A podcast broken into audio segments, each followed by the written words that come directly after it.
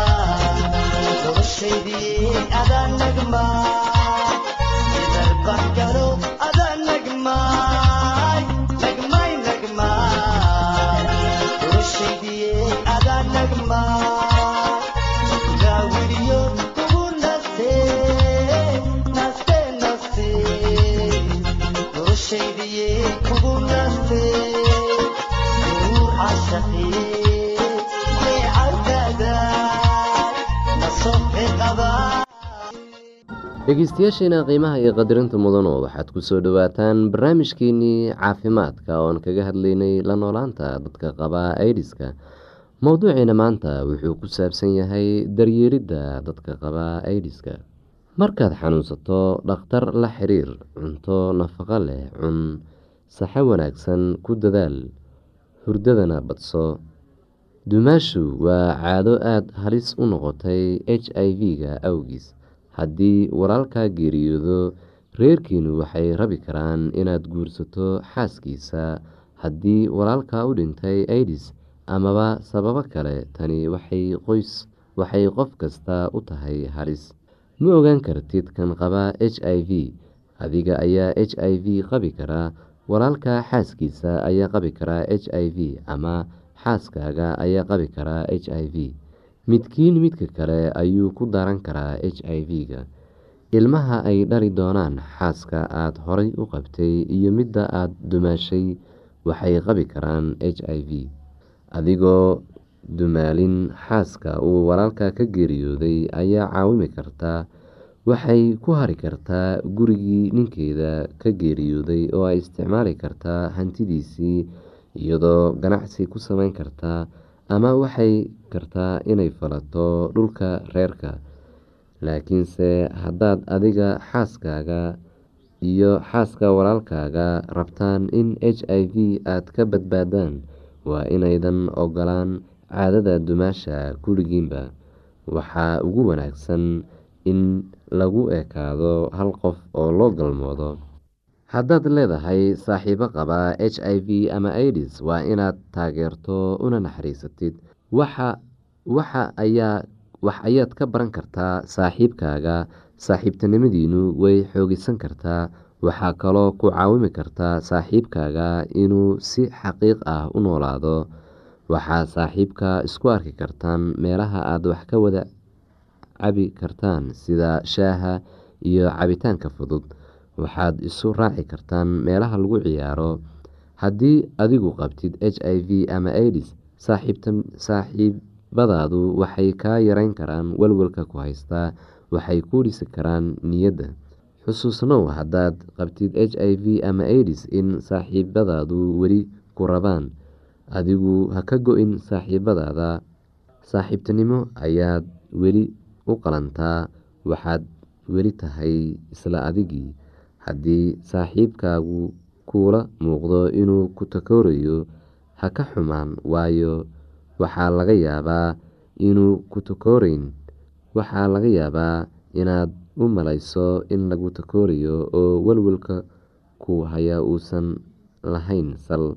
Waxaa laga yaabaa inay jaahil ka yihiin amase waxaa laga yaabaa inay ka cabsi qabaan in iyaguba qabaan h i v sida qof kasta oo kale dadka h i v ama idis qaba waxay sameyn karaan saaxiibo hor leh.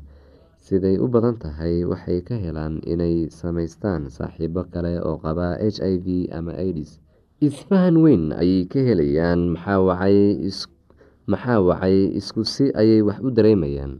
Firfircooni iyo shaqo yeelo ka fogow inaad sigaar iyo alkohol isticmaasho. Isticmaal kondom ka digtoonow inaad rinto. Haddaad h i v ama idis qabto u adkeysigaaga infekshanka waa daciif si fudud ayuu ayaad u xanuunsanaysaa isla markaad dareento xanuun. Waxa aada muhiim u ah in aad dhakhtar la xiriirto xanuunyada h i v ama idiska la socda. Sida ay u badan yihiin waa la daaweyn karaa. Haddaadan la daahin inaad qaadato daawo waxay kaa caawineysaa inuu cimrigaaga dheeraado mushkuladuhu siday u badan yihiin takhaatiirtu waxay ku siin karaan daawooyin ku dareensiinaya caafimaad joojinaya inuu mashaakilku noqdo mid dhab ah. Haddaad qabto duray ama qufac u tag dhakhtar ha u ogolaan inuu isu bedelo benomiya ama qaaxo haddii wax ku saraan duub oo markaas daawo raadso ha u ogolaan inuu noqdo infekshin waxaa muhiim ah in la iska daaweeyo meelaha ay joogaan dhakhaatiir khibrad leh. Waxaa iska daaweyn kartaa rugaha caafimaadka ee ku takhasusay idiska waxaa jiro rugo caafimaad oo lagu daryeelo idiska haddii qof aada jeceshahay idis qabo oo uu si tabar daraynayo ha rajo dhigin ku dhiirigeli inuu dhakhtar u tago daaweyntu waxay gaarsiin kartaa heer raaxo leh waxayna dareensiin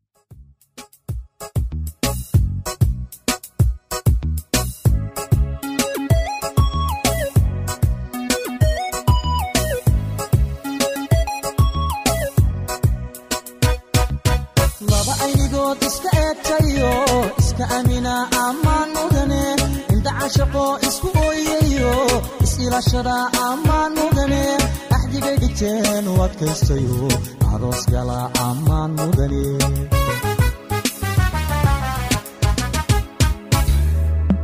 lamana indoora jacaylka adkeey kalsooni abuura ammaan mudane ahay nasiibku intuu u ekaade aroos gala ammaan mudane ubaxu dhino isxaashaqayba allaylehe ammaan mudane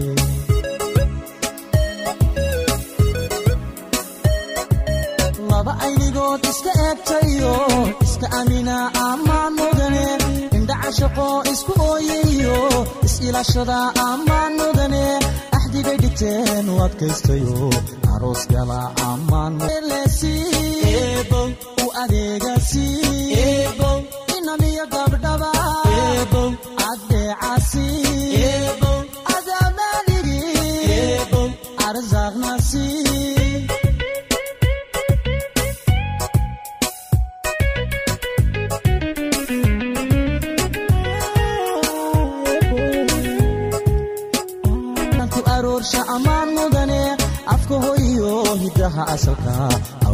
tusaa ammaan mudane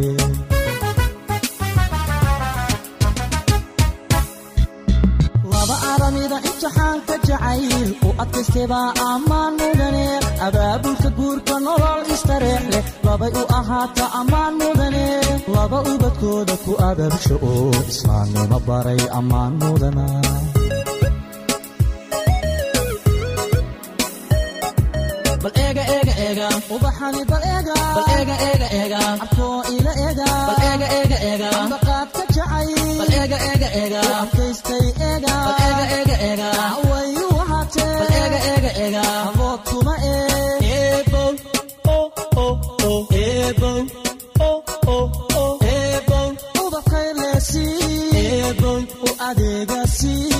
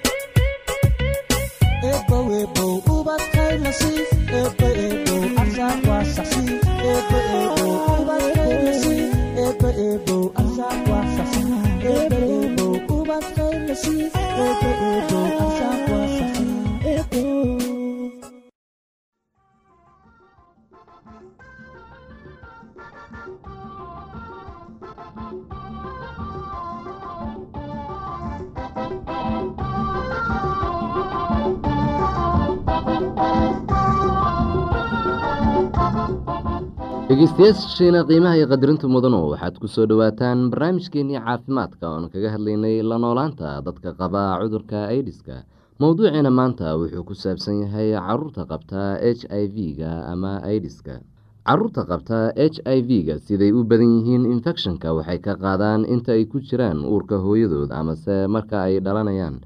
Dhalaanka h i v qaba siday u badan yihiin waxay isu bedelaan kuwo qaba aidis intaysan gaarin da-dooda laba sano qaarkoodse waxay ahaadaan kuwo caafimaad qaba ilaa intay gaarayaan lix sano. Caruurta h i v ama aidis qabta waxay u baahan yihiin kalgacayl iyo daryeelid cunto nafaqo leh jawi saxadiisu wanaagsan tahay. Waa in takhtar loo geeyaa marka ay xanuunsadaan carruurta halis ma aha haddii la xambaaro ama laysu duubo carruurta qabta h i v-ga ama aidiska h i v kuma faafo carruurta kaadidooda calyadooda saxaradooda ama matagooda. Cunug h i v qaba uma gudbin karo infecshonka haddii uu kuwa kale la cayaarayo ama uu la qeybsado waxyaabaha ay caruurtu ku cayaarto. Caanaha naaska hooyada waa cuntada ugu wanaagsan ee dhallaanka waxay ka ilaaliyaan dhallaanka shubanka iyo cuduro badan oo kale. Naasnuujintu waa muhiim haddii ay hooyadu ama dhallaanku ama labadooduba qabaan h i v haddii aysan hooyadu aada u xanuunsanayn talaalku aada ayuu muhiim u yahay haddii cunugaagu qabo h i v ama aidis waa la talaali karaa. Waalid h i v ama aidis qaba ayaa qabi karaa carruur saxadoodu wanaagsan tahay waayo waxay noqon karaan carruur dhalatay ka hor inta aysan hooyadu qaadin h i v ama waxay noqon karaan kuwo dhashay nasiib wanaag kadib markii h i v haleelay hooyadu. Caruurta saxadoodu wanaagsan tahay waxay u baahan yihiin kalgacayl fara badan. Mid amase labada waalid ah waa dhimanayaan shaki la'aan waxay noqonayaan agoon. Waalidiinta h i v ama aidis qaba waxay caawimi karaan caruurtooda saxada wanaagsan haddii ay wakhtigooda siiyaan iyagoo u daryeelaya hogaaminayana ay u sameynayaan rajo. Haddii ay mustaqbalka u hogaamiyaan sidii qaraabadooda ay u daryeeli lahaayeen ama ay u hagaajiyaan mustaqbalka sidii loo bixin lahaa lacagta ujuurada dugsiga haddii ay suurtagal tahay waa inaa hantidaada u ilaalisaa caruurtaada iyo qoyskaaga ka hor intaadan dhiman qaraabada iyo kuway qusayso oo ka mid ah bulshada waa inay ku dhaqaaqaan u daryeelidda carruurta qabta aidiska hay'ado badan baa jira oo u gargaara laakiinse mas'uuliyadda oo dil dusha iskama saaraan. Dadka waa inay ogaadaan inaysan qaadayn h i v marka ay bixinayaan dhiig laakiinse haddaad og tahay inaad h i v qabtid waa inaadan dhiig bixin maxaa wacay? Kadib markii la baaro ayaa la qubayaa. Laakiinse haddaad qabtid h i v ama aidis oo aada u baahato dhiig waxaa ka heli kartaa dhiig la soo baaray oo laga soo miiray dad aan h i v qabin. Dadka qaba h i v ama aidis qaarkood waxay aaminsan yihiin in daawo soomaaligu lagu daaweyn karo. Qaar ka mid ah xanuunyada aidisku sababo tusaale ahaan dadka qaarkood waxay dhahaan daawada waxaa loo isticmaali karaa cuncunka. Daawo geedoodka qaarkood waa qaali waxaa ku roon inaad lacagtaada ku iibsatid cunto nafaqo leh iyo waxyaabo munaafac leh. Xusuuso dhakhaatiir dhaqameed jeermiga kama nadiifiyaan sakiimada ay isticmaalayaan tan waxaa laga qaadi karaa h i v h i v ama aidis sababta keentaa ma aha sixir iyo waxyaabo la mid ah. Sidaa awgeed ma jiro sixirow daaweyn karaa u tegidda sixirowgu waxay ahaan kartaa qarash fara badan. Waxaa kaa khasaaraya oo keliya lacag fara badan adigoon ka helayn wax caawimaad ah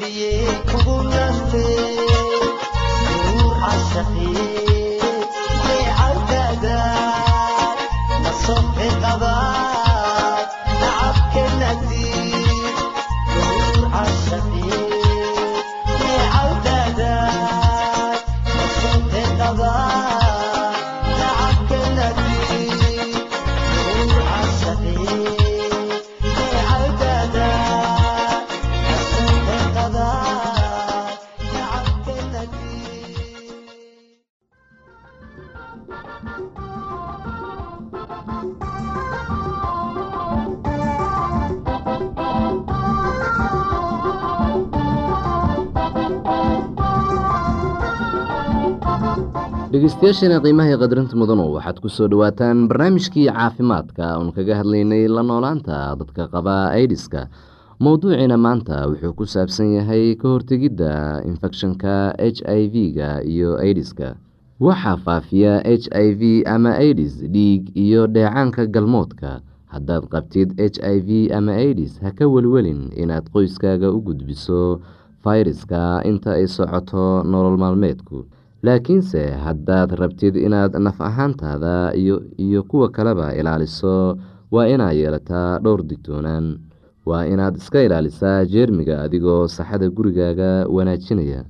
Dabool dhaawac kasta oo kugu yaal dadka kugu gargaaraya daryeelidda jirkaaga waa inay iyaguna daboolaan hadday dhaawac qabaan. Ka fijignow haddii dhiig kaa socdo ama ay jiraan dhar dhiig ku yaal biyo karkarsan ku dhex rid dharka iyo wax kasta oo dhiiga gaaray. Jeermiga h i v-ga kuma noolaan karo biyo karkarsan iyo markii wax badan uu qoraxda ama meel qalalan u yaal. Waa fikrad wanaagsan inaad ka fogeyso burushka ilkaha ama cadigaaga iyo sakiinta garka lagu xiirto o aada isticmaasho qoyskaaga kuwo ka mid ah. Dad badan oo qaba h i v iyo aidis waxay ka helaan tashiga iyo daryeelka niyadda welwelka ayaa ka yaraanaya. Dadka h i v ama aidis qaba waa inay iyagoo xoriyad dareemaya u tagaan culimada diinta ay aaminsan yihiin. Diimaha oo idil waxay leeyihiin ducooyin loogu duceeyo dadka xanuunsada. Wadaadka wuxuu ku bari karaa sidaad xiriir fiican ula yeelan lahayd ilaahay iyo inaad ilaah u weydiisid iyo sidaad ilaah u weydiisan lahayd inuu ka qaado mushkiladda ku haysata. U dhowaanta ilaah waxay kaa caawineysaa inaad is-cafiso oood is-ogolaatid dadka kalena ogolaatid. Waxay kaloo kaa caawineysaa inaad runta ogaatid oo aad markaas ku noolaatid xaqiiqada. Dadka qaarkiis wuxuu aaminsan yahay in hadalka ilaah uu yahay gargaar weyn. Akhrinta kutubada ilaahay waxay dadku ka helaan fariimo qalbigooda u wanaagsan oo dhiirigelin siinaya. Gargaar ayay leedahay xitaa marka aad qof kale ilaah la baryeysid waxaad la qaybsan kartaa walwalkaaga iyo walaacaaga haddaad dareemeysid in lagu takoorayo ha hilmaamin in naxariista ilaah mar walbo kuu furan tahay. Aaminaadda ilaah waxay kaa gudbin kartaa marxaladaha adag daryeelka niyadda wuxuu dadka h i v-ga ama aidiska qaba ka caawiyaa inay wajahaan tijaabooyinka jirada wuxuu xitaa ka caawiyaa inay u diyaargaroobaan geerida. Waa muhiim in loo diyaargaroobo geerida fiicnaan. Ayaa dareemeysaa haddaad samaysato mustaqbal ama haddaad samaysato ama aada hagaajisato howlahaaga ama haddaad dhibaato ama muranka ku xalisid adigoo nabad ku dhammaynaya. Waxaa kale oo fiican oo fiicnaan dareemeysaa haddaad toobo keentid qof weliba geerida ayuu sugayaa. Geeridu waa qeyb ka mid ah nolosheennu kulligiin maalin maalmaha ka mid ah ayaan dhiman doonaa laakiin sababta geerida keenaysa ayaa muhiim ah. Waxaa aada u fiican in la geeriyoodo adigoo kula joogaan dad aada jeceshahay haddaad geerida ogolaato walwal la'aan geesinimadaadu waxay bedeli kartaa niyadda nolosha kuwa kaa dambeeya. Sida badan waxaa la ogsoon yahay walwalka aan ka qabno ayaa geerida naga baqdin geliya laakiin waa inaad aaminto ood rumayso ballanqaadyada ilaah